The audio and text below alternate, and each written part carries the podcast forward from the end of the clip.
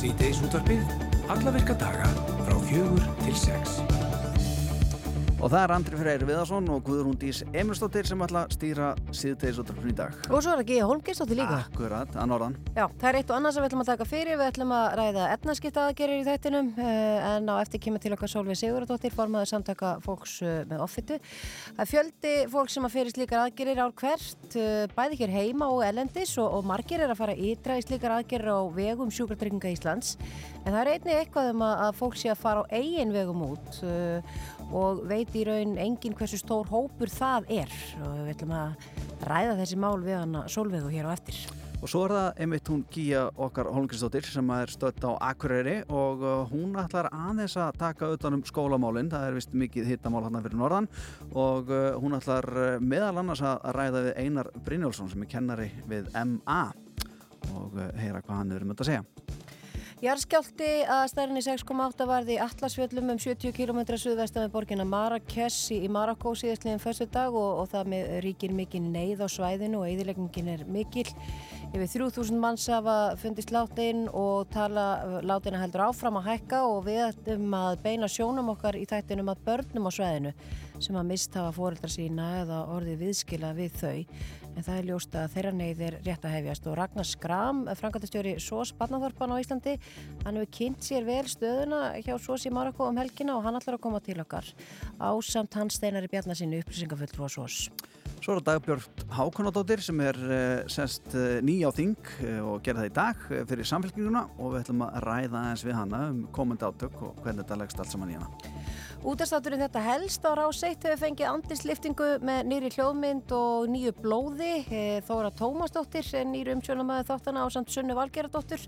Þóra ætlar að koma til okkar á eftir og segja okkur frá umfjöldunarefni þáttanins þessa vikuna sem að snýra rannsókn þeirra á stórfældri listaverkafölsun hér á landi. Mm -hmm. Svo er það Herbert Guðmundsson sem hann oft komið hingað í sítið svo tapið og hann er bara svona frænt okkar sem að eh, já, bóðar sjálfnast komið sína en mæti bara svæði en, en bóðar nú sann sem að komið sína það stundum byggðanum að koma eins og núna það sem hann er með nýtt lag og það er hljómsett sem heitir Herra Eitís eða, eh, já, uh, Reitís uh, Herra Eitís sem að er sérstaklega band sem að Þetta er svona orðaleg? Já, þetta er skemmtilegt, sem að sérhafið sér í svona að taka Eitís-smelli eftir aðra sem að hafa verið vinsalir og nú eru þau svolítið að gera bara eins og tóttmóbíl, það er að taka sko svona eitthvað svona gamla stjórnir úr, úr þessum geira e, flytjaði einhverja yfir til landsins og láta spila í hörpunni, taka með um lægið og svona nema þau eru að gera það hérna með Herbert Guðmundssoni og það er Örlegus Mári sem að semur lægið og Herbert og Örlegus Mári ætla að koma til okkar eftir og lega okkar heyra lægið og spilla þessu okkur. En við byrjum á þessu, fjármálar á þeirra kynnti nýtt fjárlega frumvarp í morgun og á línunni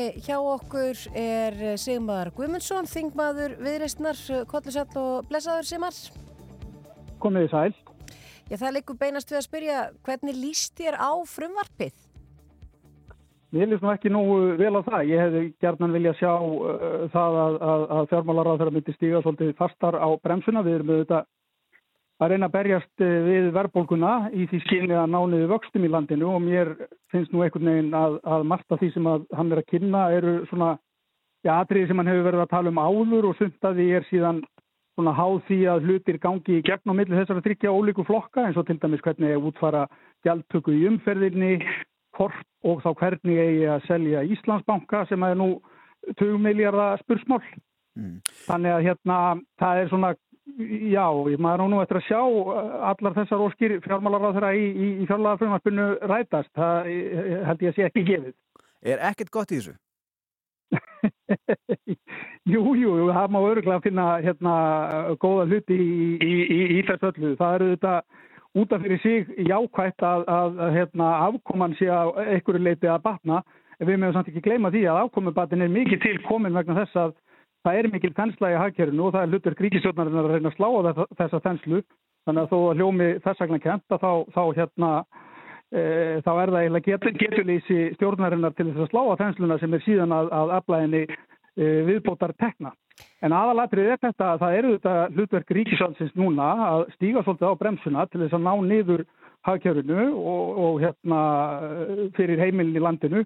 En það sem að er kannski að gerast í þessu frumvart er það að, reikningurinn af öll er eins og venjulega sendur á, á, á millitekjufólki, venjulega fjölskyldur í landinu sem að sitja uppi með þessa háu verðbólgu og, og, og vexti og ég held að það sé ekki mikið að fara að breytast með þetta frumvart. Mm. Eh, þú nefnir sölun á Íslandsbanka heldur að verði samstaða um það að selja Íslandsbanka, eh, klára sölun á honum á næstu tveimur árum?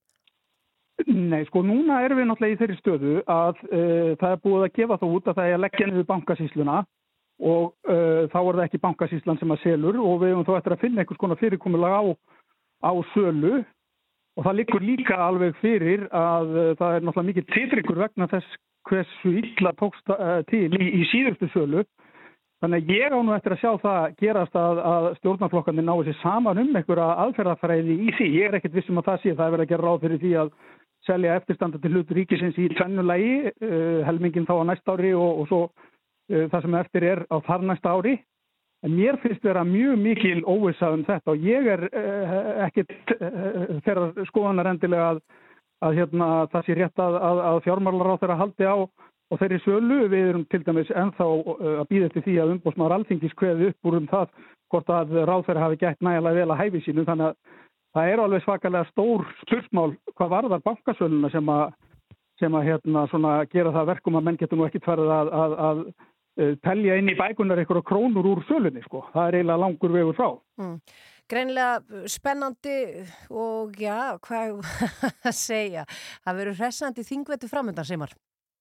Já, ég hugsa það nú. Ég held að hérna, þetta verði Þetta verður svolítið þungur vetur í, í pólitíkinu, það er mikið stórum málum sem að, sem að býða mjög mörg og við höfum auðvitað verið að sjá það að, að eh, stjórnarflokkarnir og þeir tala nú bara ofinskátt um það svo sem ofinberlega orðið að þeir eru náttúrulega langt á millera í mörgum málum sem að þýði það að, að það verður erfitt að loka þessum stórum málum sem að þó þarf að gera og ég óttast að pínlítið að það þýðir þá bara eitthvað svona kyrstöðu en ég þykist um vita það með að hvernig stemningin er hérna þegar við komum til þingsetningar í dag að, að að hérna, þetta verður erfiður vetur fyrir, fyrir ríkstjónuma. Sigmar Guðmundsson, uh, já, takk kjæla verið spjallið og gangiði vel með komandi átök.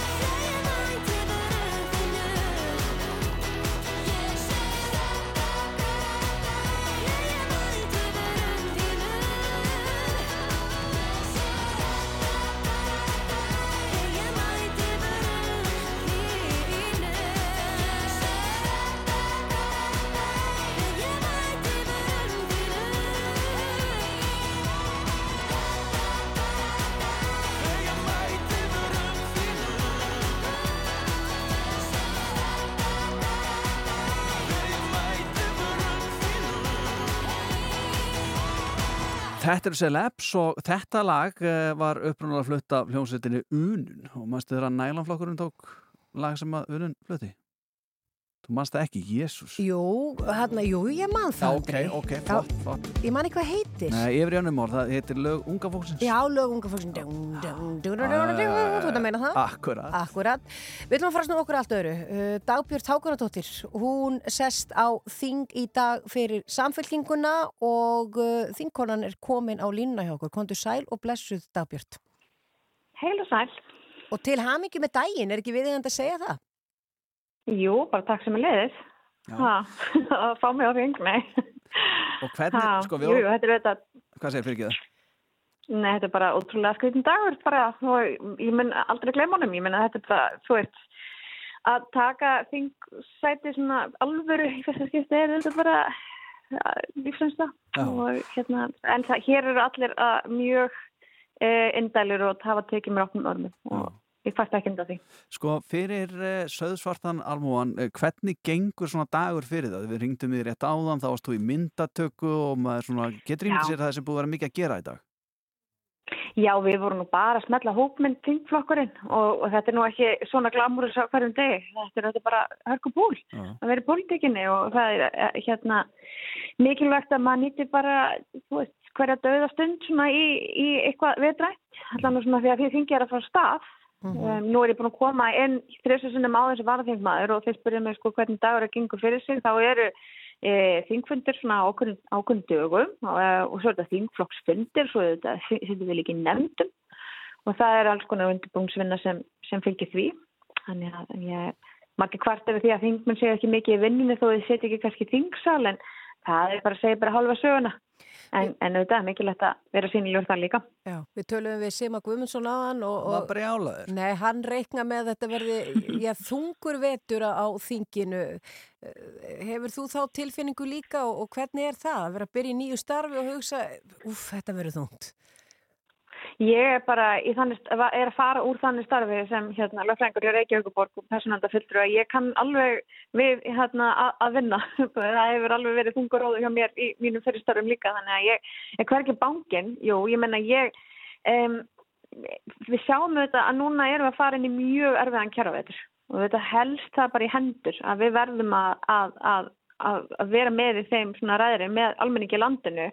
Uh, við erum búin að sjá núna kíkja aðeins á, á fjárlega frumvarpi sem núna hefur verið lagt fram og það er svona fatt nýtt undir sólinni þar þegar ríkistjórnin ætla bara að halda áfram að sinni braut og okkur finnst það að vera svona bara vegur aðgerðarleysis það er enga svona beinar uh, svona harðar aðgerðir á, til þess að ná tökum að því ástandi sem hefur skapast á til dæmis húsnæðismarkaði og í verðbólka ástandinu og við þurfum að aukna ró á húsnæðismarkaði og til dæmis með leigubrems og fleiru en í það er bara eftir því sem við ætlum að, vekja máls á Já. og það hmm. Við vorum að tala með eh, Sigurð okkar Gunnarsson hérna áðan og hann var að monta sig á því hann hefði borðað í mötunni aldengis, uh, hann var að segja að kjötbólunum þar veri geggjaðar Eh, Ertu samanlega þessu? Er, er mötunni þetta gott? Sko mötunetið, þetta er svona eins og sveitinni. Já. það er alltaf eitthvað gott. Oh. og, og það er alltaf kaka líka. Mm. og, það- og hérna það er svona en það, þetta er enda mjög sko vel rekið mötuneti. Bara, þú veist, það er bara venjulegur heimilismatur þetta er, ekki, það er bara, þetta er strángheðalegt þetta En Sulta, Uh, og- rababarasulta já, Já, En sko, þú veist, ekkert eitthvað, ekkert eitthvað með gamaldags, ekki, ekki miskila mig. Þetta er bara, sko, bara það er nóg að mat já, og það fá allir að borða sem þurfa að borða og það líka sko skýr og, og nammi og þú veist, en maður skildi vera, stundum með maður bara það, við veitum hvernig þetta er. mhm, Og svo hérna, á flestu dögum er svona uh, það besta já. úr vikunni. Þá er, þá er sko, það er nýttni sem ég finnst ótrúlega gott, sko. Það er svona búið að nýta, nýta það sem er búið að leggja á borði fyrir fólki. Það er einhver hent. Engi Akkurat, matasóun ekki fyrsta máltíðin sem er eldur þarna en hérna í mötunundunum rúf þá það stundum vera þannig að Já. sko, við, við erum í útvarpinu við setjum stundum saman á borði og svo eru svona Mhm. tæknimenn stundum saman á borði að tala um eitthvað tæknimál og svona er þetta þannig þarna, því að þú nú verið þarna áður er, veist, er, samfélkingin saman á borði og uh, er miðflokkurinn einn á borði og, og uh, viðreistn á borði, eh, hvernig er þetta? Er, er, er þetta þannig stemming? Já, við, þetta er sko, maður hendir svona, þú veist, mat yfir á óvinnaborðin. Akkurat, Nei. ég held að fangir Nei, það er bara, merkilega lítill ríkur í matsalum og þú veist, jú, jú, þetta er, þetta er svona eitthvað, eitthvað smá landamæri en það er rosa gott að brjóta það upp og þau eru reglulega brotin upp og það fólk vil líka bara spjalla saman. Hér vinnur bara mjög skemmtilegt fólk og, og hérna, fólk hefur gaman að tala. Maður er manns gaman á lifa mikið við hér og svona staðir og þú veist, þú fólk takist áinn í þingsal þá erum við bara, flest allt bara venjulega hér og, og Jú. og erum bara að tala um hvað við ætlum að gera um helginu og svona, jú, jú. En Dagbjörn, nú ert þú búin að fá mm. vantarlega útluta sæti inn í þingsalnum. Rétt. Uh, við hliðin á hverjum situr þú? Herri, það er, það er legend, sko. Það er Þorgerur Katrín, uh, Gunnarsdóttir. Nei, wow. Mér á hægri hand. Það er aldrei tákgrænt, sko. Uh, og svo er það, hérna, hún er fyrst þingmaður, formaður veriðsmars mm -hmm. og svo er það Ejólur Armansson og flokki fólksins vil leina mér það er En, en það, er, það er póla sko. En það er mjög góð blöndun en það er ekki þarna og er, er ekki dreigið eða hvernig er það? Það er dreigið, ég fer sko og ég fæ mér svona, fæ svona kúlu sem er númer á. Í alveg? Já, þetta er þannig Andri. Þetta er, þetta er eins og þegar maður var í fyrsta bekku og var dreigið. Þetta er stemning. Já. Það er að koma svo þing. Mm -hmm. Já, en svo getur líka sko fórseti ef þetta gengur bara alls ekki upp, ef það er bara í, eins og í skólan sko bara, bara hérna tekið fólk og, og, hérna, og, og bara fjallagt sætisfjallag ef þetta gengur mjög illa. Ég, ég held það. Þeir eru alltaf að rýfast að því er ekkert á það saman. En ertu, ertu aftanlega í salnum hann og reynda svo lítill? Já, ég er nefnir vekkinn. Mm. Uh, þegar maður lappar inn svona alveg, þá kem ég hérna inn, lappaði til hægri og þá setjum það. Það er fínt. Mm. Þið. Flott, þetta er flott. Er styrtaðast það þarna? Það er nú hérna rúf sko, þegar fólk kjólar í vinnuna, einn svona lítil styrta sem þetta skóla sig, er það niður á alþingi? Já, ég, það er rætt hérna, já, það lítur að vera styrta. Ég hef ekki alveg, alveg náða það. Er rætt, já, er líkans... Pínur lítinn rætt. Já, já fólk, ég er ekki farið inn á þessu. Fólk er fast þarna, Andri, langt staður. fram eftir og að fínt að geta farið. Mér hefur alltaf verið búið að fara þetta. Nei, nei, þú kannski færði einhvern tíman búið. En þetta, þetta hljómar mjög vel. Já, þetta er spennandi. Já. Við segjum bara gangið vel og þakka kjalla fyrir smjallið. Ég er í síðdeisótarpunni. Takk fyrir að ringja og bara, hérna, já. Þetta verður eitthvað. Já, heldur betur. Við hlokkum til að fylgjast með verkunum Daburg Hákonadóttir, Þingbaður, Samsningarnas. Já, bara takk að það fyrir. Heilu sæl, bye bye. Já, hérna, akkur veist þú svona mikið með það? Ég hef komið þarna. Fórst í rættina í Alþingi? Nei, ég fór ekki í rættina. Fórst í bara skólaður í styrtunni eða? Nei. Nei, þú veist ekki, ekki að borða, ég veit það. Nei. Nei, nei. Ég bara gaf mig til um það að þau væri verðalega umhverfisverðin þannig að hún getur komið hjóland og svona og hlýtur að geta skóla að þér til sónalags Ég sýr alla hæstu tinda. Um mókun lönd Aðeistu rönd Brist gegnum móku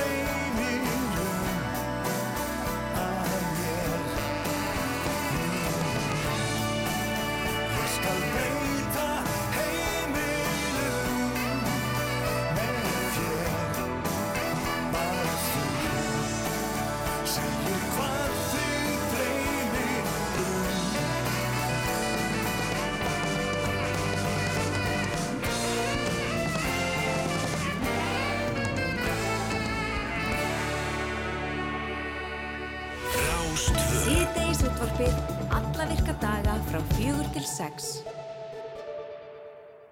Við ætlum að ræða efnaskipta aðgerir næstu mínúturnar. Eh, Hún er komið til okkar hún Solveig Sigurðardóttir, formaði samtaka fólks með offitu. Fjöldi slíkra aðgerða eru framkvæmdar á Íslandingum árlega, bæði hér heima og erlendis. Og margir sem fara ítræðsleikar aðgerir fara á vegum sjúkaltrygginga Íslands en einni er eitthvað um að fólk sé að fara á eigin vegum út og veit í raun engin hversu stór hópur það er. Kontur Sælurblessi Solveig. Sælublessuð. Já, þú hefur líst, uh, já, fram, eða líkt frambóði efnaskipta að gera ellendis við vilda vestrið. Já, það má eiginlega segja það. Að það sé svolítið stórt upptekið. Að þá finnst mér svolítið erfitt að, hérna, að það sé hægt bara fyrir hvern einasta einstakling að fara inn á tölvuna sína, googla eitthvað, finna eitthvað og panta sér í aðgerir einhverstaðar. Á þess að hafa nokkurnu veginn hugmynd um hvað þú ert að panta og hvað út af hverju þú ert að fara í aðgerð. Og mikið af þessum stöðum sem er verið að fara hérðan og út eru bara í fínu lægi. En svo eru inn, inn á milli aðilar sem eru ekki kannski alveg jafn heiðalegir. Eh, Fylgir óheiðarleikanum eitthvað sem að eh, gæti farið úrskeiðis og verður erfitt að vinna úr setna meirið eitthvað? Algjörlega. Og það síðan þegar það fólk kemur hinga heim aftur að þá er það íslenska helbyrðiskerfi sem tekur á móti því og, og ber svo ábyrða því áfram. Og veit kannski ekkit hvað er búið að vera að gera? Nei og veit ekki og ég byrð þar bara að, skoða og það eru dæmundi þess að fólk hefur verið að koma heim og úr aðgerð erlendis á eigin vegum og þar sem að allt lítur út fyrir að hafi verið gerð aðgerð. Það eru gött á maganum eftir aðgerð og, og fólk fór í svæfingu og fór á, á spítalega klinik. En svo þegar að hlutinir hafa verið skoður eins og var hérna aðrastinn hjá klíninginni kom inn á að þá er bara ekki útlut fyrir að aðgerð hafi verið gerð eða einhvers konar aðgerð sem að fólk veit ekki alveg hvað, hvað var gert Mhm. og það er náttúrulega alls ekki gott Það það er mjög slæmt En förum aðeins í smá tölfræði. Hvað eru margar svona að því að við vitum kannski ekki hverju fara á eigin vegum eða hversu stór hópur það er. En, en, en hérna heima og hvernig er þetta gert hérna heima og hvað er svo margir er að fara í svona? Já, það er, sko, þetta er, svona, þetta er svo mikið tabu. Fólk vil helst ekki tala um efnaskipta aðgerðinar og hvað þá sína eigin efnaskipta aðgerð. Og hérna, þetta er aðeins samt að koma til. Og það er hérna heima, þá er það klíningin sem er að skera og þá er það fólk sem fer bara á eigin vegum hérna heima og það eru, þetta eru dýrar og stórar aðgerðir og fólk þarf að fjármagna sjálft. Svo er það Íslenska sjúkvæðartryggingakerfið og þá er það Reykjalindur eða mín besta heilsa sem að hérna, sér um það og hérna á landi á vegum sjúkutrygginga er ekkit sérstaklega margir sem fari í aðgerð. Það eru kannski já, innan við uh, svona und- uh, 20 á síðast ári held ég hafi verið. En margir eru sendir og þá er það til Svíþjóðar í Málmu. Þannig að flest allir sem fara á vegum sjúkutrygginga í aðgerðir sem satt hérna heima eru sendir til Svíþjóðar í Málmu. Já, en er þetta ekki frekar já, lítil tala eða fáir sem eru sendir á vegum sjúkratrygginga í aðgerð? Þyrft ekki fleiri? Nei, það er ekkit svo fáir. Það er alveg ansi margir í hverju mánuður sem sendir eru. Og, og, hérna, og fólk er misjafl- misjaflega svona stakt búið að komast sjálft í aðgerð ellendis. Það þarf að taka flug hérðan og út til Kaupnahafnar, komast til Svíþjóðar og svo ertu bara á hóteli og mætir hérna daginn eftir í aðgerð og ert í eina nótt. Svo ertu útskriðu bara út á götu, ferðu þitt hótel og þarf það sjáum við svona sjálf í tvo sólafringa og þetta er misjaflega hvað fólk er rest sem er að fara í svona aðgerðir en yfirleitt gengur þetta mjög vel. Mm En talandi um eftirfylgni og það þurfum við náttúrulega að fylgjast með sjúklingum sem hafa farið í svona. Í hverju fælst þessi aðgerð? Ég veit að þú ert ekki náttúrulega heilbriðstarfsmæður en, en, en hvað er gert? Sko það sem er verið að gera, sko það er aðgerðir sem er aðalega verið að gera í dag er ermi svo kölluð og svo er hjáeta og mín í hjáeta. Og þetta eru mjög mismunandi hérna aðgerðir. Það er svona vinsalast, myndi maður segja, ég veit ekki hvort maður getur sagt svo sem vinsalast, en það sem flest er verið að búa eða gera, það eru ermin og hérna, og svo hjáetan. En þessar aðgerðir eru náttúrulega notar til að hjálpa fólki við að léttast og öðlast betri heilsu og ekki bara kílóin. Þú veist, fólk er bara oft kannski orðið mikið vikt og það þarf að koma niður þingdini. Það er blóðþristingurinn, það getur verið sykusíki, það getur verið vélendabakflæði, það getur verið svo margt. Hjá mér til dæmis þá er það mjög slant vélendabakflæði, rifin þynd og mikil kviðfita sem að þrýsti á, á bara inniblimin. Mm þannig að það gagnast mörgum mjög mikið að fara í svona. Já, þetta, þetta gagnast mörgum en þetta er ekki auðvilt. Þetta er ekki aðgerð sem maður bara skellir sér í. Til þess að fara í svona aðgerð þá þarf þetta að vera búin að fara í gegnum svo mingin undirbúning og fá skilning hjá þínum hilbriðstarfsmanni. Það er það sem er oft erfiðast er að fá. Þannig að það er mjög erfitt að finna þjónustu og meðferðir hér á landi við offötu og, og heilsugjastlan verður að fara að gera betur. Já. Það er bara þannig. En eh, segjum að það séu einstaklingar sem hafa farið út í aðgerðir á eigin vegum og, og aðgerðin er ekki að skila sér eins og hún ætti að vera eða, vera, eða eitthvað er að í kjölfar aðgerðina. Hver er réttur þessa fólks? Sko að þú ert að fara á eigin vegum það segir sér sjálf, þú ert að fara bara einhvert, þú ert að fara í tannvígerir eða efnaskipta aðgerir eða líta aðgerir, þá er það bara þín eigin ábyrð. En íslenska helbyrjaskerfi ber ábyrð okkur þegar við komum heim og, hérna, og það er það sem er reyna á að vekja aðtegli í Evrópu í dag, svona Evrópu samtök bæði sjúklinga og helbyrjastafsmann og annað, það er verið að vekja aðtegli að þetta getur verið dýrt fyrir kerfið, að taka móti fárveiku fólki vegna þess að það er ofta að gera bara nýjar aðgerir eða fólki er vel það veikt að það er Já, er, við sjáum alveg döðsvöld út í heimir sko. Mm. Þannig að hvað viltu segja við uh, fólk hann úti sem að er að velta þessu öllu fyrir sér? Ég vildi óska þess að geti sagt eitthvað kraftaverk vegna þess að sko fyrsta hérna, stopp á að vera heilsugjæslan og ef þú lendir á því á einhverjum rosalega góðum lækni eða fagfólki þar inni að það átt að fá góð þjónustu og jafnvel verið hérna áfram svona beint hvert þú getur leitað. Og ég til dæmis smæli mig því að fólk fari til, já, sinns heimlisleiknis og ef að það eh, sálagnir telur svo að það þurfi að hérna grípa til þessa stóra yngrips að þá eru, þá er hægt að benda árækjalund og það er hægt að benda líka á mín besta hilsa, þetta eru tveir aðilega sem er á vegum sjúkratrygginga og svo er náttúrulega klínikin en það er bara, þá ertu eigin vegum. Já. og það ertu að fjármagna allt sjálfur vil endur fjármagna íbúðuna eina eða takk út sperrfjörið mm -hmm. Já Solveig Sigurðardóttir formaði samtaka fólksum áfuttu, bara takk kærlega fyrir að koma til okkar hérna og vekja aðtekla á þessu. Takk fyrir mig.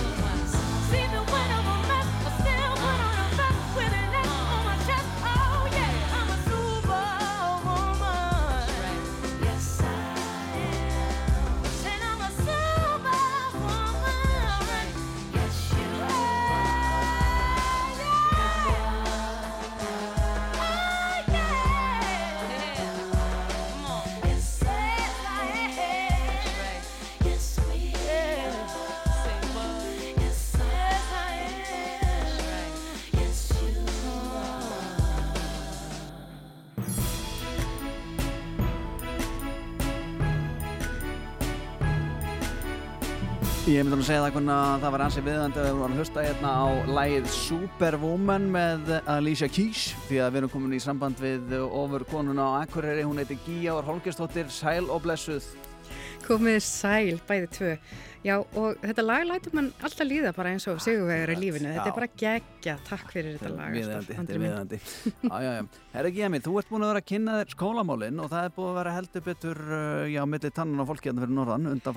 já, á. Já, svo sannlega. Þessi tilkynning kom fyrir viku síðan og það var nú bara rétt áðan að berast nýjustu fréttir að kennarafélag VAFMA sendi frá sér yfirlýsingu þar sem þau leggjast líka gegn þessari fyrirhugðu sammenningu á þessum forsetum sem kemur fram í skýrslu stýrihúpsin sem var einmitt kynnt hérna fyrir viku síðan. Og síðan þá, þá hefur nú verið þetta stopnaði Facebook-hópur, umræðuhópur gegn sammenningunni, það hafa verið mótmæli nefnda hjá MA, kennarafélag MA hefur líka sendt frá sér yfirlýsingu, umbóðsmaður barna hefur óskað eftir upplýsingu hvort hagsmunni barna hafi verið hafðir að leðaljósi og svo núna á sunnudaginn þá var opinn fundur þar sem að já, þeir sem leggjast gegn þessum áformum svona, töluðu sér saman og þar tók þeim meðal annars Máls Einar Seipjusson, hann er kennari við mentaskólan á Akureyri. Ég heiti hann fyrir í dag og tók stöðun á honum en fyrst þá skrapp ég smá stund á Glerartorg og tók svona aðeins púlsinn af fólkinu þar. Við skulum heyra hvað kom út úr þessu. Ég er ekki að segja að fólk sé rosalega sammála þessu. Mér finnst hérna, og ég sé ekki tilgangin í, þú veist, að samana þessu tvo skóla. Um, mér finnst lélægt að vera að taka þetta val af, þú veist, tilvonandi nefnendum, uh, velja myndlega bekkakerfis og áfangakerfis og uh, þú veist, það er náttúrulega meira, kannski svona emma meira bóknámsskóli. Mikið af hefðum sem að halda sér áfram eins og júbi og svo leið sem ég sé ekki hvernig á að ganga upp ef að skólinir eru saminæðir.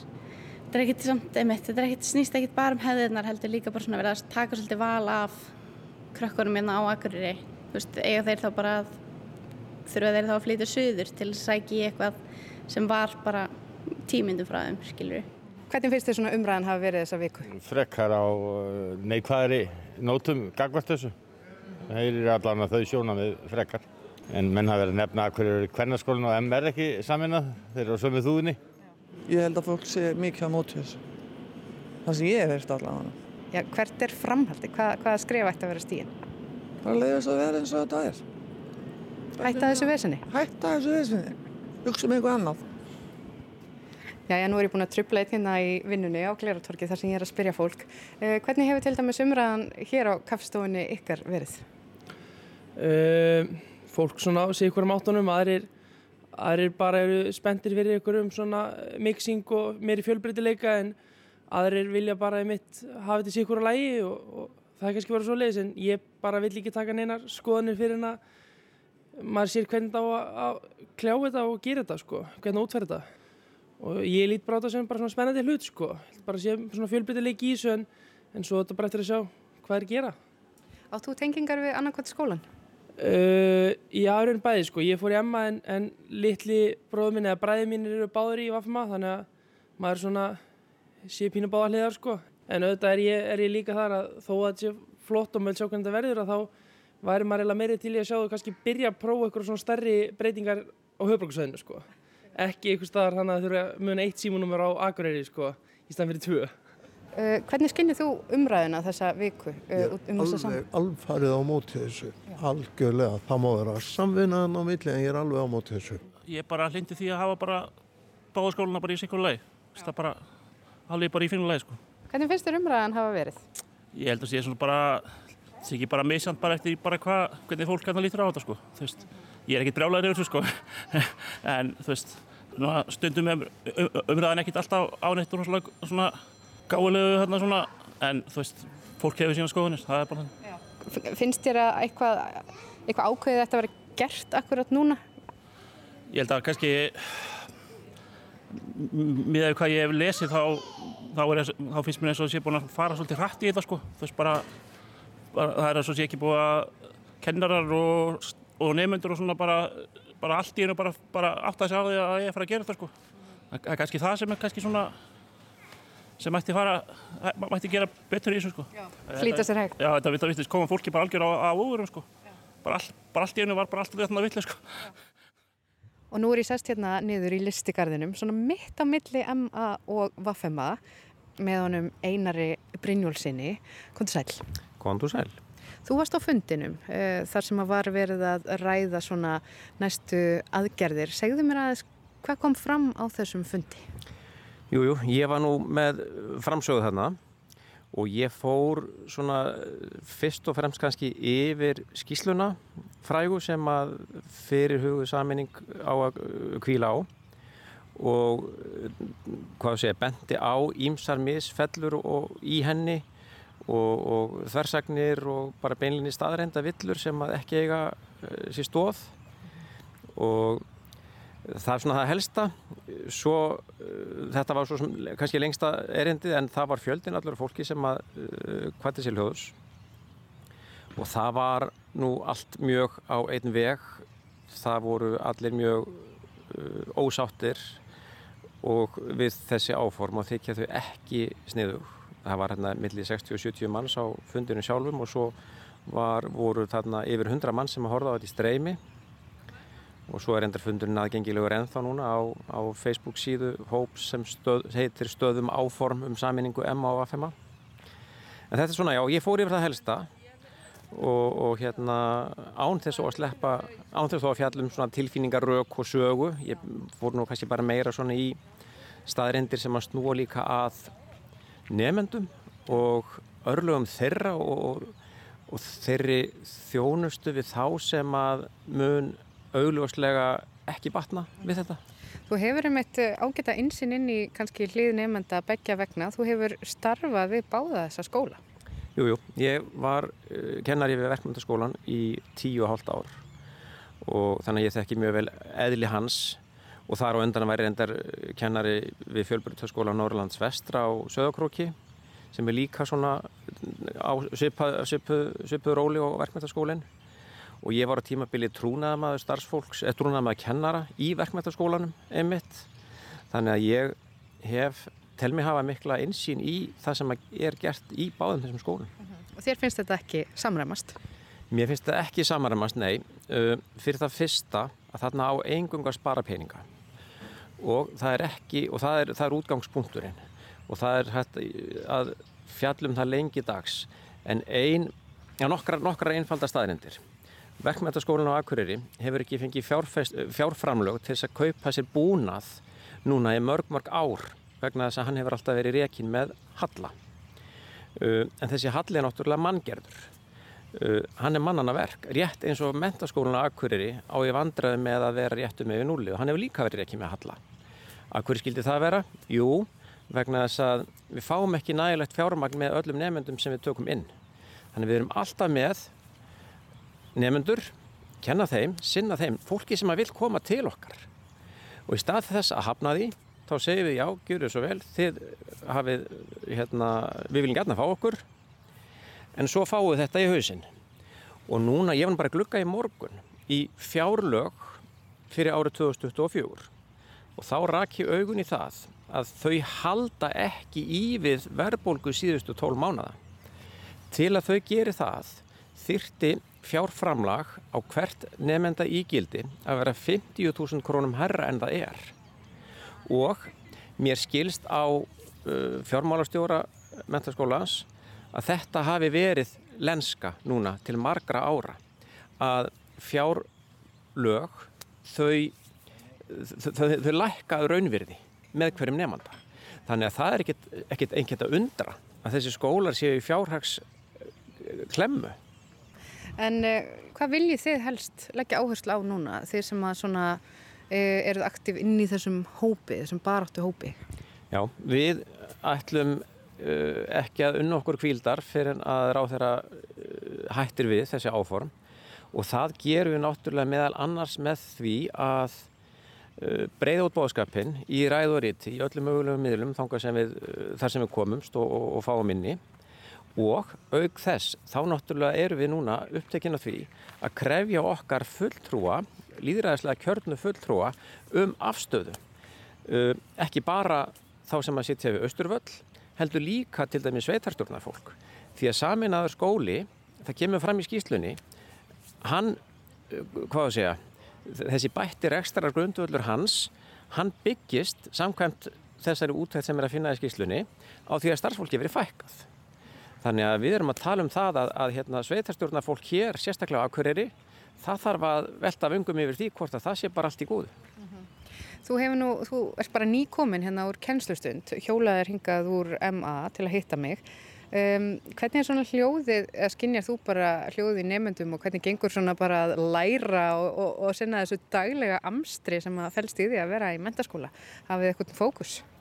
Það er erfitt, það var erfitt, sérstaklega á miðgudaginn í síðustu viku.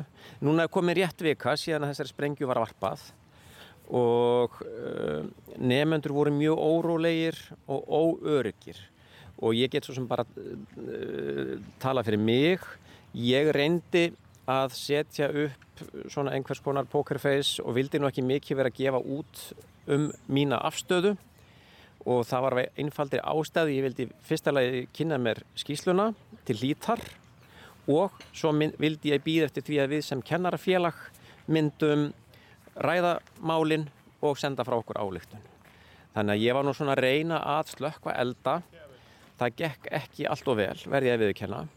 Núna er komin svona meiri, meiri róhötta sem betur fer. En þetta er svo sannarlega ekki til þess að, að hérna, auðveld okkur kjensluna þarna.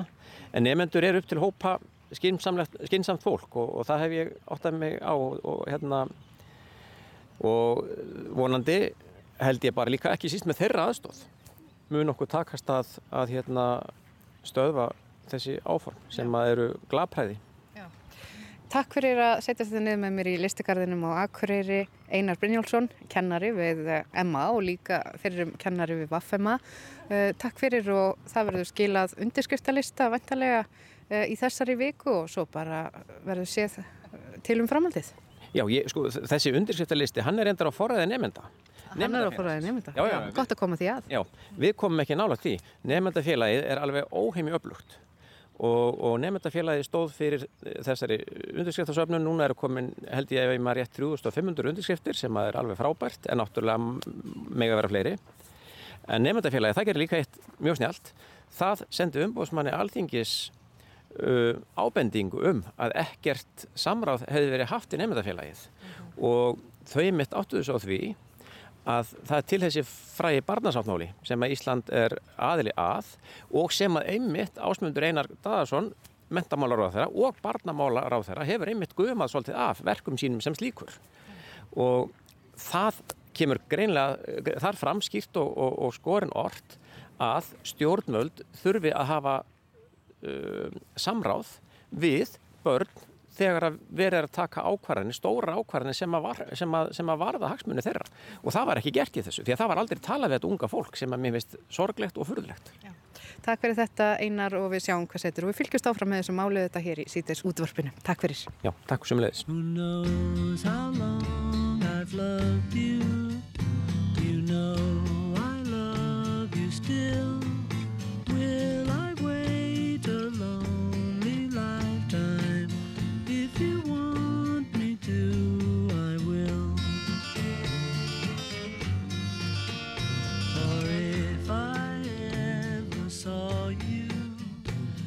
Didn't catch your name,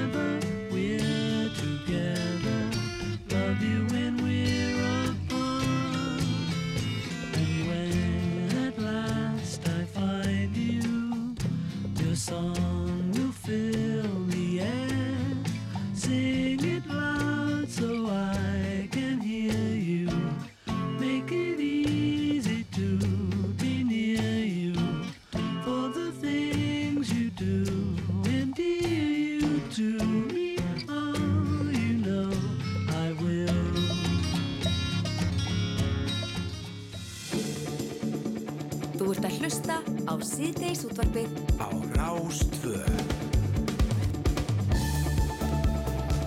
Jarskjaldi að stærðinni 6,8 varði í Atlasfjöllum um 70 km suðvestan af uh, borginni Marrakesh í Marrakó uh, síðastniðin fyrstu dag. Uh, mikil neyðríkir á svæðinu, eðileggingin er mikil og yfir 3000 manns hafa fundist látnir og talalátina heldur áfram að hækka. Við ætlum að beina sjónum okkar næstu mínuturnar að börnum á svæðinu sem að mist hafa foreldra sína eða orðið viðskila við þau en lúst þeirra, þeirra neyði rétt að hefjast. Þeir eru komin yngar til okkar Ragnar Skram, frangatastjóri SOS Barnahorpan á Íslandi en hann hefur kynnt sér vel stöðuna hjá SOS í Marakó um helgina og uh, hér er einnig Hans Steinar Bjarnason upplýsingafulltrúi SOS. Komið í sælir. Já, komið í sæl. Já, segið þið okkur, uh, hver er staðan þarna á svæðinu? Hmm.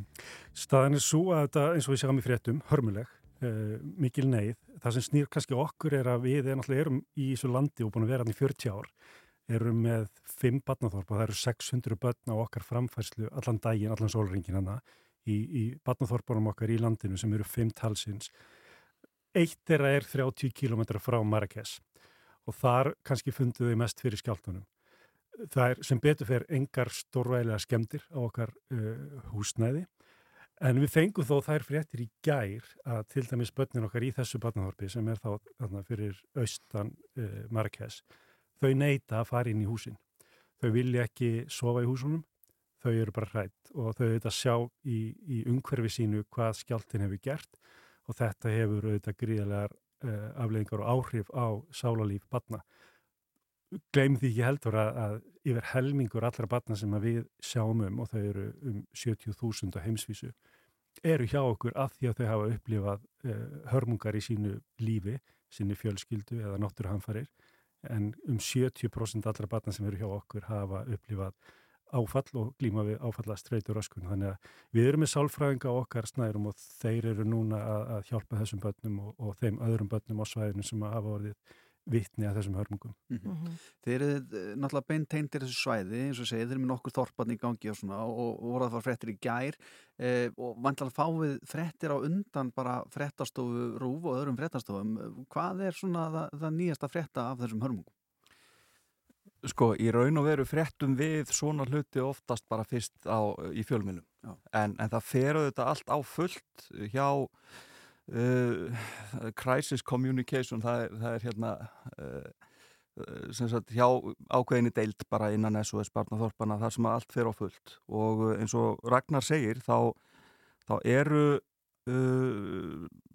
samtökin í held, það er yfir 130 löndum í heiminum. Sko SOS barnaþorpin eru í grunninn ekki neyðar hjálpa samtök heldur þekktust fyrir það taka að sér umkomulus börn en hins vegar eru samtökin orðin það gömul og rótgróðin, þau eru yfir 70 ára gömul að það hefur áunust þekking og, og, og innviðir orðið til sem gera það verkum að við getum ekki, ekki litið framhjá þegar neyð verður. En við erum auðvitað með starfsfólk á staðnum, eins og Ragnar segir, þannig að við, við fáum auðvitað allar upplýsingar mjög fljótlega eftir að, að, að hamfærir verða og fengum til dæmis þær upplýsingar bara strax á lögadagsmotninum að, að hérna, það hefðu, ekkert manntjón hefði orðið í barnaþorpunum. Engar skemdir orðið en svo reyndar síðar hef ég ekki augunni það að það sé svona verið að meta þetta með skemdir enda það auka atriði þegar mannslíf er að, að ræða. Þannig að, að uh, við en, en, erum að fá frettir bara í raun og veru daglega. Já, en eins og þetta því að nú kemur ég mun þetta örgulega líta þannig út og þarna verður fullt af umkomulösum börnum sem annarkort hafa mist fóreldra sín og annars líkt. Þannig að þurfa þá svona eins og samtök eins og ykkur að spýti í lóana mm -hmm. og gefa ennþá meira í á svona svæðum eða, eða hvað býður að því eins og þú segir, þú veist, mörg af börnunum sem dvelja hjá okkur og þegar hafa lendi alls konar svona hörmungum áður. Mm -hmm. Hvað býður þessara barna ef ekkert er gert? Sko það mun allir eftir járskaldunum að hæti hérna fyrir um tíu árum síðan þá var skelvilur jarðskald á Haiti sem landi bara í rúst. Þá rauninu fluttum við inn til landsins uh, bara svona bráðabera húsnæði sem er notað í, í, í hérna, stríði. Komum bara upp húsnæði bara 1, 2 og 3 og gáttum komið 500 börnum bara fyrir sem hefur mist sína aðstendendur. Ég held að ástandið í Marokko sé ekki alveg svo slæmt, þannig að við þurfum að fara að flýta inn húsnæði. En ef að börn uh, þurfa á uh, bara viðværi og fjölskyldu og húsnæði að halda, þá munum við taka það inn. Við komum þeim þá bara fyrir til bráðabýra meðan við erum að hafa upp á aðstandendum. En það sem við þurfum að gera núna er að hafa upp á aðstendendum þeirra batna sem að, uh, eru kannski út á göttunni. Við gerum þetta í samráði við önnur samtök, við erum ekki eiland í þessum geira, við vinnum mjög náið með öðrum viðkjöndum samtökum. Þannig að við þurfum bara að hafa uppi á, á þeim uh, aðstendendum og komast að því hvort þeir geti þá tekið batnið að sér eða séð um það eða hvort það þurfi að vera hjá okkur til langframa. Og það hafa stundum eftir svona hamfærir einfallega verið byggð ný barnaþorp vegna þess að börnin sem þurfa aðstofa að halda eru það mörg. En hvað með krakkana eins og sagðir hérna áðan að sem að bara vilja hreinlega ekki fara inn í hús aftur vegna óta? Mm. Hva, hva, hvað er þetta að gera fyrir þau? þá, kannski komum við inn á hlutverk þessara sálfræðinga sem eru algjörir snillingar vegna þess að badd sem hefur upplifað svona hérna, áfall eða svona hamfarir það kannski vill, eh, getur ekki sofið það kannski bleitir rúmið sitt á nóttunni það vill ekki borða, það kannski þeir það hættir að tala, jáfnvel svo dögum skiptir eða lengur þannig að sálfræði flækjurnar sem að myndast í lífi svona badna er ekki bara það að vilja ekki fara inn í hús þetta er svo miklu, miklu starra en það og getur haft áhrif mörg ára eða ára tíi inn í framtíðina og þarna vera sérfræðingarnir að koma til og, og hjálpa börnunum út úr þessu meðal annars að, að byggja upp tröst þeirra á húsnæðinu aftur. Kanski þessu tengt getur að því að þetta er svo nýgerst núni í Marokko en við náttúrulega erum í Úkrænu líka og, og, og það sem stríði bröst út í fyrra. Og núna höfum við reynslusögur og, og erum að fá frásagnir alltaf reglulega af starfinu og hvernig það allt saman gengur. Og ég get bara nefnt sem dæmi, ég ætla að fá aðeins að grípa hérna nýri frásögt sálfræðings í Úkrænu sem hefur verið að vinna með börnum sem hafa upplifað áfall. Og dag, dag eitt fór móðir 12 ára drengs í kennugarði að taka eftir breytingum í hegðunans og hann átti að til að frjósa í niðri líkamsreyfingu gerði allt miklu hægar en venjulega. Hann var ítrekkað að gleima og, og fór að hafa óeðlulega miklar áhyggjur og helsu móðu sinnar eftir að þau flúðu átökin. Stress og kvíðasteg drengsins var svo hátt að hann gæti ekki greint einfalda hluti í sálfræðitíma og ímyndunarafli hans var í mólum sem er mjög slæmt í ímyndun, ímyndun leikur stóran þátt í bataferlinu eftir sálfræðand áfall segir þessi sálfræðingur. Og henni tókst að lokum að hjálpa drengnum að jafna sig meðal annars með því að fá hann til að svona hleypa tilfinningum sínum út fyrst að skrifa að gera öndunaræfingar það gefur góða raun, svo er haldið áfram stiga stíi og, og eftir nokkrar aðferði sem að hún fer, prófar áfram að þá líður drengnum miklu betur í dag.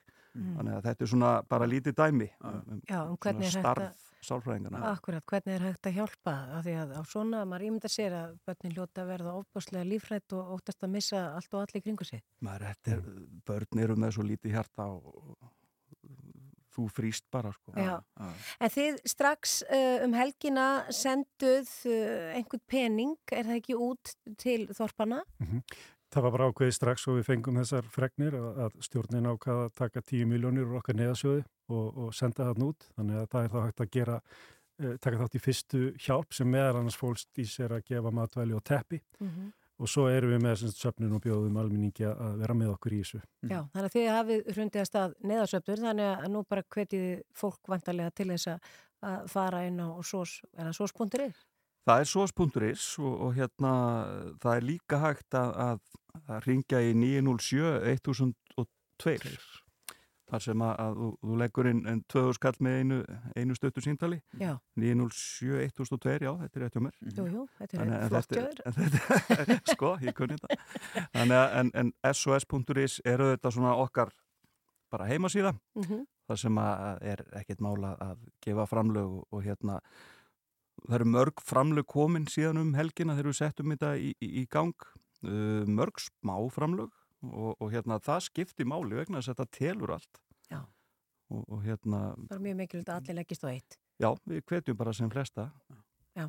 til að taka þátt Þið haldið áfram að sjálfsögðu ykkar- Einu sinni, númerið, einu sinni enn Já, einu sinni enn, já, já, það var svo flott. Þú er búin að negla þetta með Já. að Já, 907 1002 Akkurat 907 1002. Ég veit það ekki svona hjá mér ótrúlegt. Við mörum öruglega muni þetta. Algjör amatur Uh, Ragnar Skram og Hans Steinar Bjarnarsson, takk fyrir að koma til okkar og, og, og bara takk fyrir ykkar óeigingjarna starf.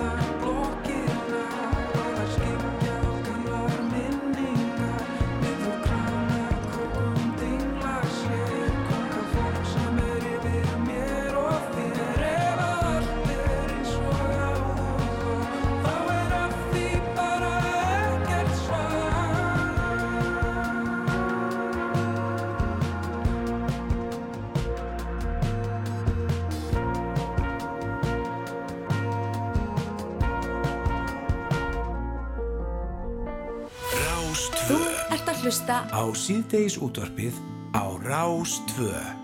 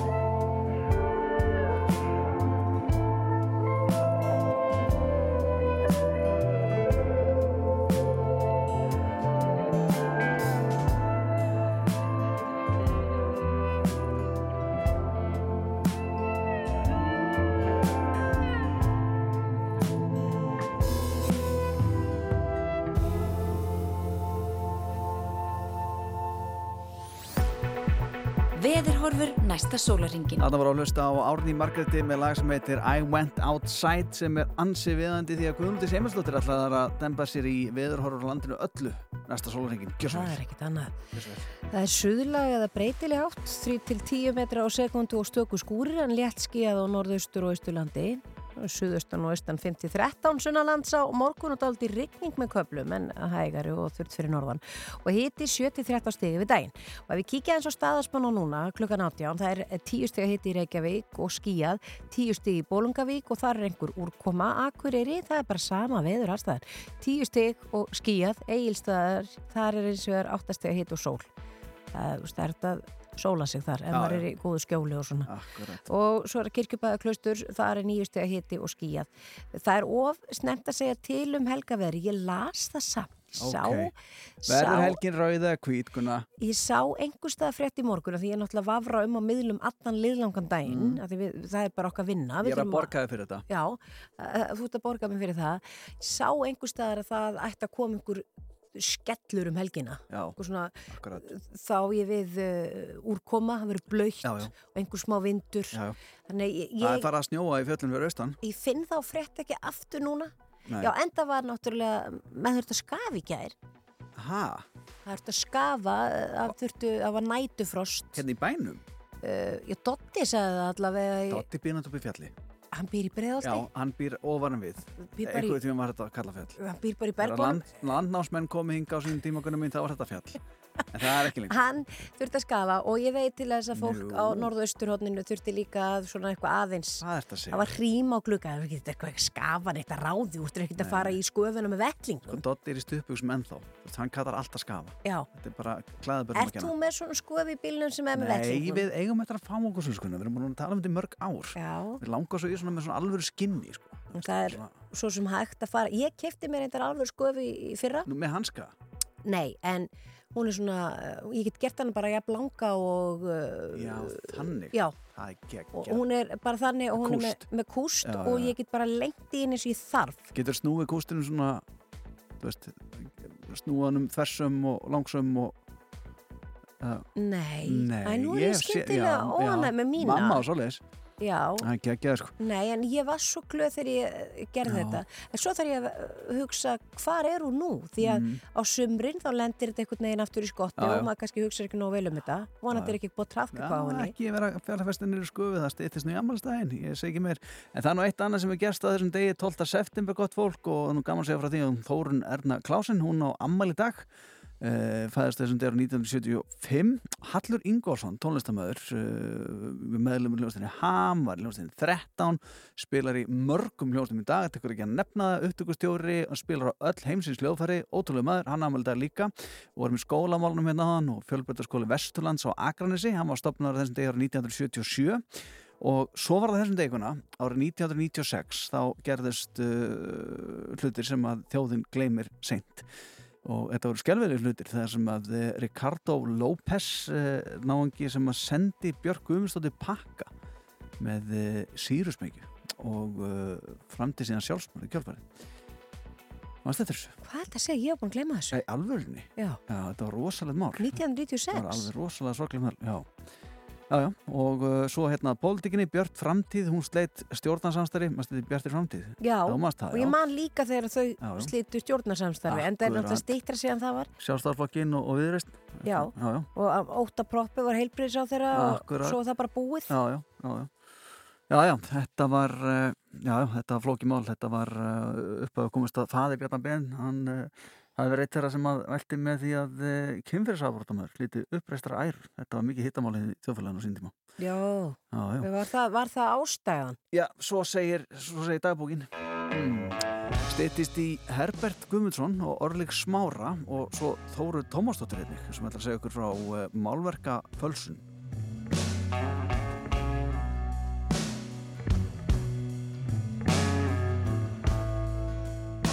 Used to spend my nights out in barroom.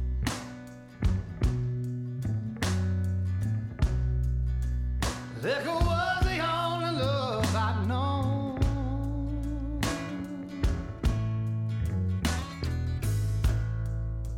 But you rescued me from reaching for the bottom and brought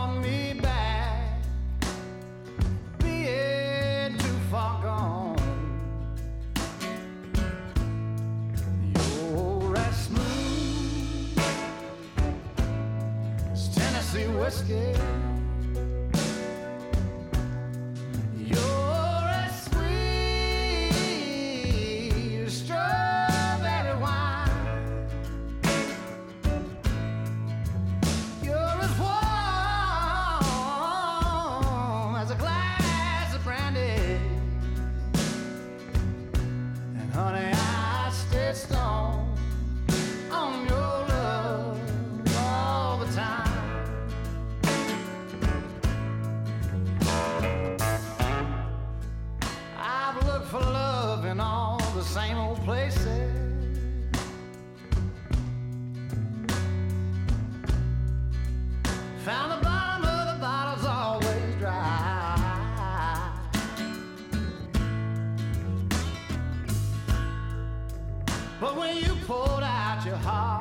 didn't waste it. Cause there's nothing like your love to get me high.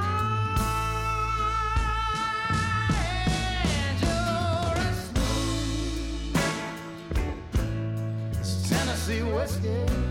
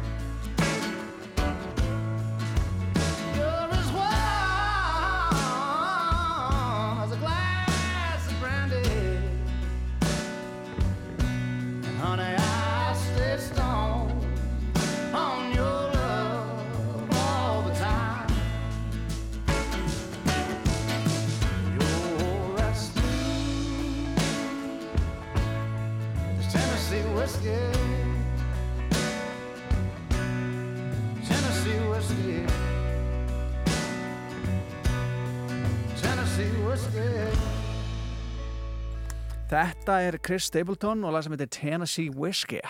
En við ætlum að bregða okkur aftur til Íslands og uh, vorum að tilkynna hérna áðan að, að það var einmittalega maður til eitthvað sem er svona bara eins og uh, kvöldum átt svona suma gesti vini síðdeis út af síns Mhm. uh, við sögum að uh, hann verður svona meira svo frændi síðdeis út af síns hann er bara viður hérna inn og, og þeirra vel gengur og við tekum alltaf að vel á mótunum og alltaf er gaman að sjá hann.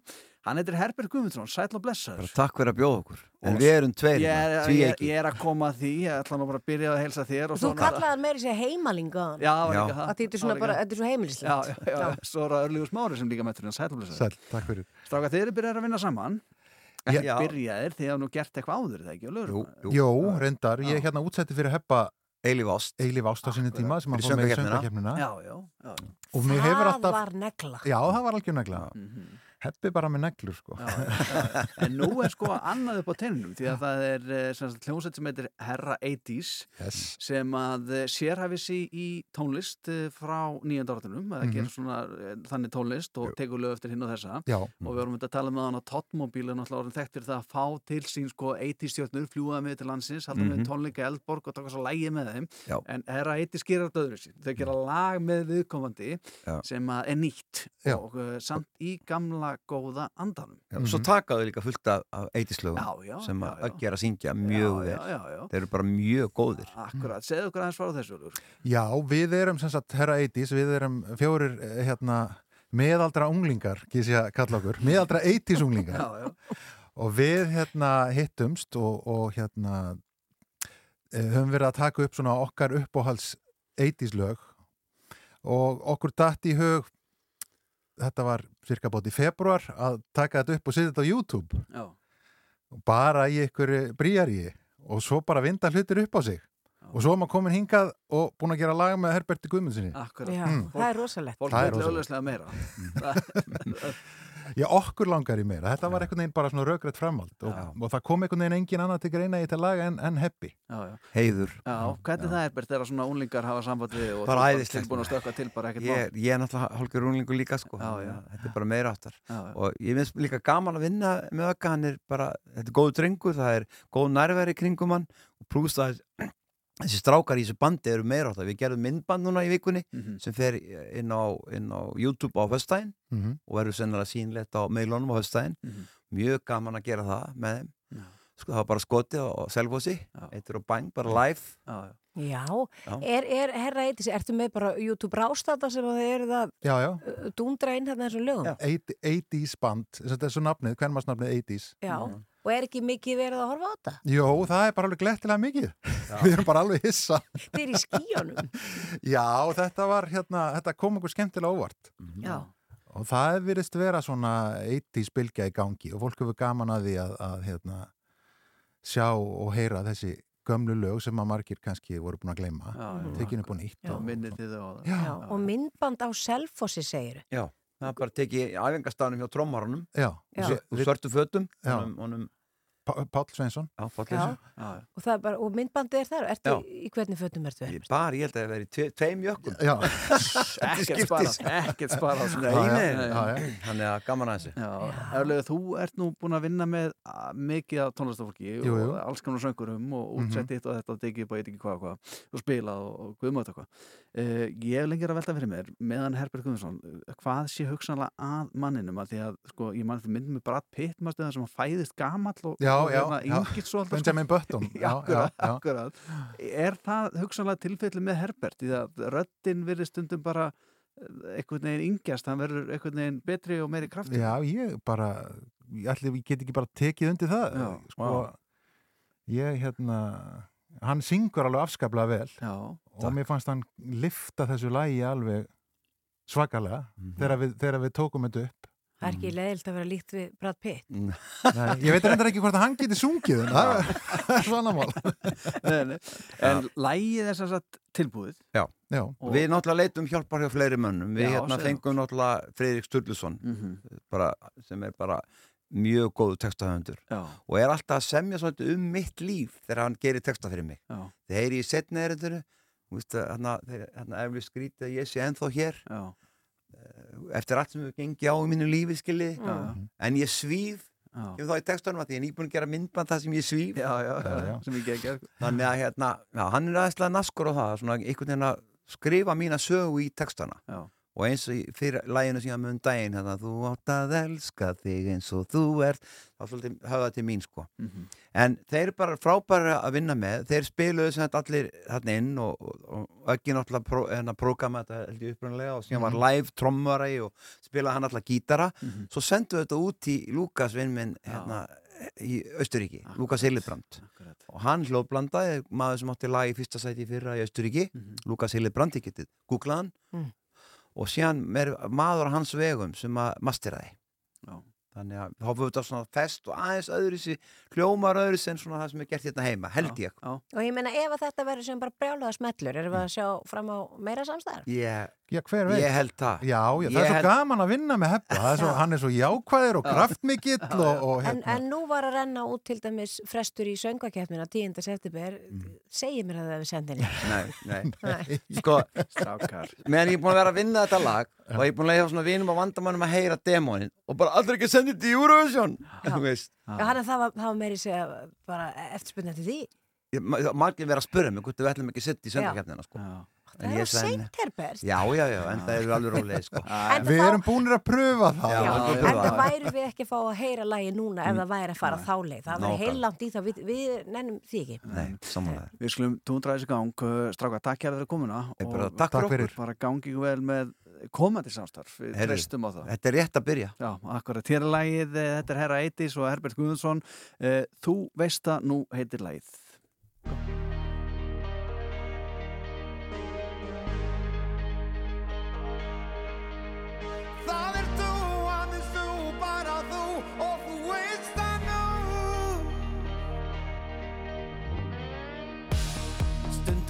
gerist einhvað sem að ángrar þig.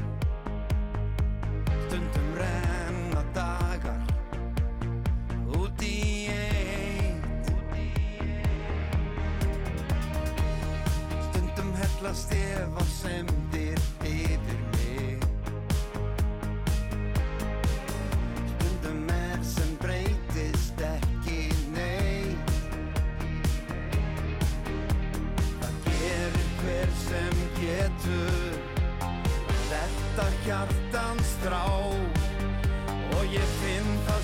fed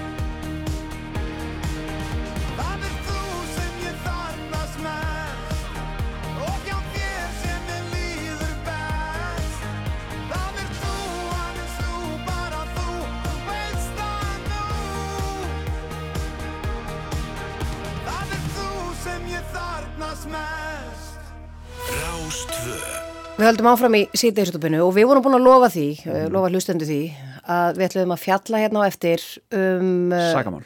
Sakamál í raun og veru, já, og mál, málverk Mhm. koma þar við sögu og svo falsanir. Já. Uh, listaverk sem að talin eru fölsuð og eignuð merkustu listamennu þjóðurna ganga kaupum og sölum hér á landi.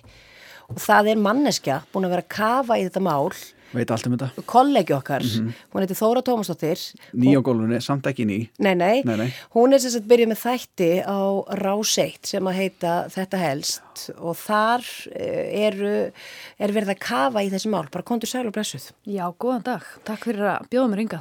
Já, þegar fólk heyrir, ok, við ætlum að tala, ég ætla að hlusta á sakamál og það er myndlist inn í, þetta er kannski eitthvað svona, ekkert, hljómar ekkert alltaf spennandi, en þetta er æsispennandi. Þetta er æsispennandi og þá þarf nú bara fólk að hugsa hlutina upp á nýtt Mhm. því að það eru mörg, hérna, hvað við segja, dramatísk sakamál sem hafa átt sér staði í svona menningarheiminum og, og það er nú bara svolítið áhugavert hvernig hérna, eh, myndlist er einmitt mjög verðmætt og þar leiðandi hérna, eru margir hagsmunaðilar, það eru náttúrulega höfundur að þeirra og síðan eru það þeir sem að reyna að selja myndlistina og hagnast á því. Og þar skapast svigrúm til þess að plata fólk ef að, ef að, hérna, ef að fólk er þannig innrætt. Segðu okkur aðeins frá þessu, hvers vegna þú ferð út í þetta, að grafa upp þetta mál?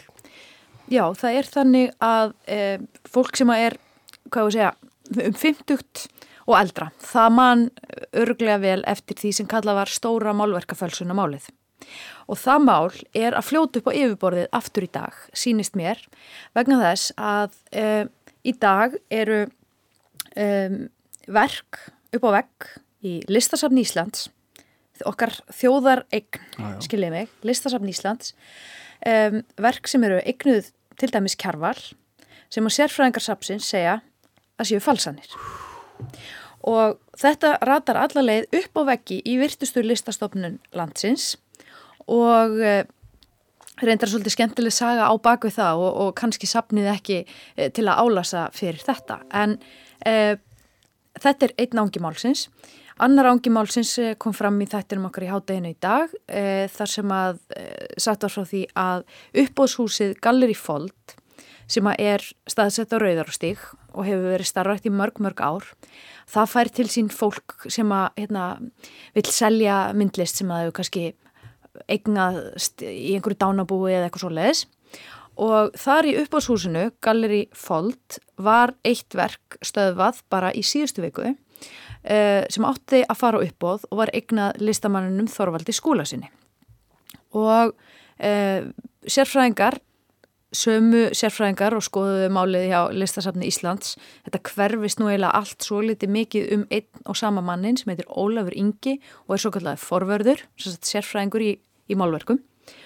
Um, hann skoðar bæði verkin í listasafni Íslands og hjá Galleri Fold og segir bara þetta er falsað. Og ekki bara það, þetta er úr sama ranni og verkin sem voru fölsuð sko hundruði verka sem voru fölsuð í stóra málverka fölsuna málinu og fyrir okkur sem erum ekki orðin 50 og ekki hérna, stálminnu að þá var stóra málverka fölsuna málið stærsta og dýrasta sakamál sem upphafði komið á Íslandi. Það spannaði rúman áratug kom fyrst fram í dagsljósið 1990 þar endalega dæmt í málinu 2004 og til að gera langastögu sögu stutta þá er þetta umfóksmesta fölsunamál sem upp hafði komið í Evrópu. Dýrasta lauruglur ansók Íslandsögunar og það var meðal annars vegna þess að það þurfti að fá svo marga sérfræðinga til að skoða verkin og það skrýtna var að það eru þarna það er, falsaninnar eru allar bendlaðar við það sem hétt Galleri Fold, Galleri Borg afsakið, ég ætla, hérna, er ekki eina manniskjan sem ruggla þessi saman. En sem sagt falsanirnar hverfast um starfsemi Gallerís Borgar sem þá var á hétt og er ekki starfrækt lengur. Mm. og þá voru tveir menn sem voru sagborningar í stóra málverkafölsunamálinu annar þeirra fjekk í fyrra dómsmálinu sex mánuða fangilistóm en teknilega þá var enginn dæmdur fyrir fals. Jafnvel þó að e, ótal sérfræðingar hefðu komist að því að verkin væru fölsuð. Þannig að það var ekki hægt að handsama neitt og enn þann dag í dag eru verk í umferð sem að voru gerð af þeim sömu og gerð verkin sem voru talin og sögð fölsuð í stóra föl, fölsunamálinu og það má eiginlega segja að þetta sé nýr ángi á málinu vegna þess að í hvert sinn sem þú selur falsaverk þá ertu að fremja glæp. Já. Ef þú segir, hér er kjærvalsverk, Andri, gjör svo vel, Já, takk. það eru 18 miljónir, Já, ekki máli. Já, þá, svo borgar þú mér, Aha. og þá er ég bara því miður búin að fremja hérna ansi alvarlegan glæp. Já, en sko er það að gefa skinn þá að þeir sem voru að falsa í gamla málunu, þessu risastóra máli, Mhm. verkin þeirra séu ennþá í umferð og þá hljóta það að vera mjög duglegi menn, eru jáfnvel Mhm. fleiri þarna verki? Sko, ég er í raun ekki manneskjan sem getur Nei. sagt hverjir þessi falsarar eru, Nei, þó að því hafi nú verið kvíslað að mér allt nokkru sinnum Mhm. og við getum sagt að spekulantar í myndlistaheiminum telja sér vita. Já. En látum það ekki með til hluta. Það var klárlega mjög afkastameklir falsarar Já. því að Ólafur Ingi, forverður Listasaps Íslands, sá sem að kom fram í þættinum okkar þetta helst í gær og sagði hér eru falsanir upp á vegg hér hjá okkur í Listasapn Íslands. Ólafur Ingi, hann var upphásmaður af stóra fölsunamálinu, hann var sá sem kerði það fyrst og hann hefur fyllt í eftir allan annan tíma. Og hann segir, þetta er sama handbragð sem er hér upp á vegg í listasafni Íslands í dag og ég sá þegar ég fór og kerði þessi verk fyrir 120-50 árum síðan. Vá, hvað þetta er merkilegt. Þannig að í rauninni er fólk kannski að selja verk óafvitandi sem að það hefur fengið arfið eitthvað svoleiðis og er að gerast í rauninni segur um glæp að vera að selja falsa verk en veit ekki að það er falsað og svo framvegis. Nei, það er ekki alveg þannig. Það er nefnilega þannig að fólk sem að sagt, vil koma verkum í sölu þú veist, segjum sér svo að þið séu með kjarvalega sem að ammekar afi ættu það er kannski svolítið erfitt fyrir ykkur eitthvað að fara að selja það eins og eitthvað skópar á Facebook Ekki að braska brallnið, sko. Nei, þetta er ekkit voða mikið þar Nei.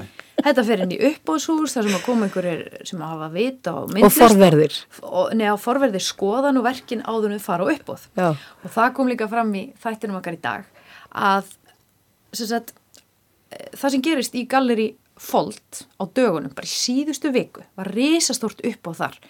Og það voru hérna, verk selt fyrir margar, margar miljónir það var tróðfullur salur af fólki sem var að bjóða í verki Og gaman. og það var ógæslega gaman, þetta var fyrsta skipti sem ég fer á uppbóðu á Íslandi og mjög áhugavert að hlusta það. Og þetta tiltekna verk sem var kift út á uppbóðskráni það átt að fara þarna inn. Og hérna þannig ganga kaupin svolítið fyrir sig. Og það verk hafi komið inn til galleri, sem sagt, til uppbóðshúsins af því að einhver hafi fallið frá. Og þá vildu erfingjarnir fara að losa sig við dóti sem þau hefðu sko, fengið í arf. Kannski foreldrar eða ömur og afar. Og fóru bara með verkinu upp á hús og sagði bara, heyrðu hérna, getum við fengið að selja þetta? Mm Já, hann þannig kosti upp á það. En þ- þessi þættir, Þóra, að því að við getum náttúrulega að tala um þetta í allan dag, þeir eru á ráseitt, mm klukkan hvað? strax eftir hátegisfréttum Og það er þetta að ná í þessar tvo þættir sem eru búnir. í spilara rúf og á bara með öllum þeim leiðum sem að fólk vil hlusta á útvarp. Það getur farið inn á Spotify og það getur farið inn á rúf.is og Google á þetta helst. Já, í, það er nokkuð ljóstandi allavega að sko síðursbyrju því fyrir að ljúka. Já, já, já, já, Fólk já, já. klárar þann Já, þátt náttúrulega. En, en eru verðmæti í fölsuðum verkum? Sko, ef þú ert góðu viðskiptamæður þá hlýtur þú að geta haft daldið mikið upp úr sig því að til dæmis þetta falsaverk, ef það hefði verið ófalsað, þá heldur að það hefði getað selta fyrir svona 600.000 Já. og það er langt í frá að vera eitthvað dýrasta verk. Já, já. Það er svona fýtt peningur. Já, með Það er já, það er svona bútleg upptökur, sko, tónleikum, sko, finnir eitthvað svona Já. sjálfgjátt bútleg með Led Zeppelin, sko, það fara alveg pening fyrir það, sko. Já. Já. En þannig að í rauninni maður þarf að hafa varan á, það er engin óhöldur, þú veist það hefur verið að falsa er kjárvalsverk, stórvalsverk, það hefur verið að falsa, eða búið að falsa þetta allt saman. Þannig að, tryggvadóttur og þetta og það sem að hérna falsarnar eiga auðvitað samvert þetta er náttúrulega allt dánir, látnir listamenn sem get ekki sagt nei, ég mála aldrei þessa já, mynd ég gerði þetta Er ekki. það, Já, ó, ég- ég var mitt mynd eftir listamann sem ég hugsa með mér, ok, hún er aldrei verðmætt fyrir en dáin, en það er bara kannski ekki rétt hjá mér, maður er ekki að kanna þetta fyrst já, já. Ó, bói. Dóra Tómasdóttir, við ætlum að heyra hérna brot úr þættinum, þetta helst. Ég er mjög spennt að hlusta á þetta. Svo takk hjá fyrir þetta. Takk fyrir mig. og þá kom hann fram kannski tveim, þrejum vikum eftir og hún búin að hengja síninguna upp Eva sendir um nokkur verk og, og það var farið að skoða hvernig stendur á þessu. En svo eru náttúrulega mjög glöggir menn og konur sem að eru búin að vera að hugsa um þetta lengi og, og rannsaka. Og það var rauninni einn af þeim, hann Ólafur, sem að raka augun í þetta að, að, þetta væru fölsuverk. Og við ákvæmum nú að taka verkin ekki niður. Telur þú að Þorvaldur hafi vitað að verkin sem hann var að kaupa væru fölsuð? Nei, ég held að það sé alveg örugt mála það er aldrei svoleiðis, þú kaupir ekki falsa verk með vilja. Þannig að einhver var að plata. einhver var á platan heldur betur. Í það eru náttúrulega starfsmyrskalir í borgar. Þetta eru það mörg verk, hvert og eitt selt fyrir hundruð þúsunda að þetta hleypur á tugum ef ekki hundruð miljónum sem hafa verið sviknar af fólki. Þannig að þetta, þetta er gríðalegu skadi ef maður vil bara horfa á fjárhagslega hlutan sko. En fyrst og fremst finnst mér að vera orðspor listamannuna. Jóhann segir fólki í listheiminum ráðalaust þegar grunur leiki á fölsunum. Lítið sé að gera þegar langur tími líði frá viðskiptunum. Það er hægt að fara með þetta til löðruglunar að kæra. Uh, hún er undirmönnuð, það mun ekkert gerast þar. Uh, það er ekkert ofinbært apparat sem getur tekið við þessu þannig að í sjálfum sér býst ég ekki við að komi neitt út úr þessu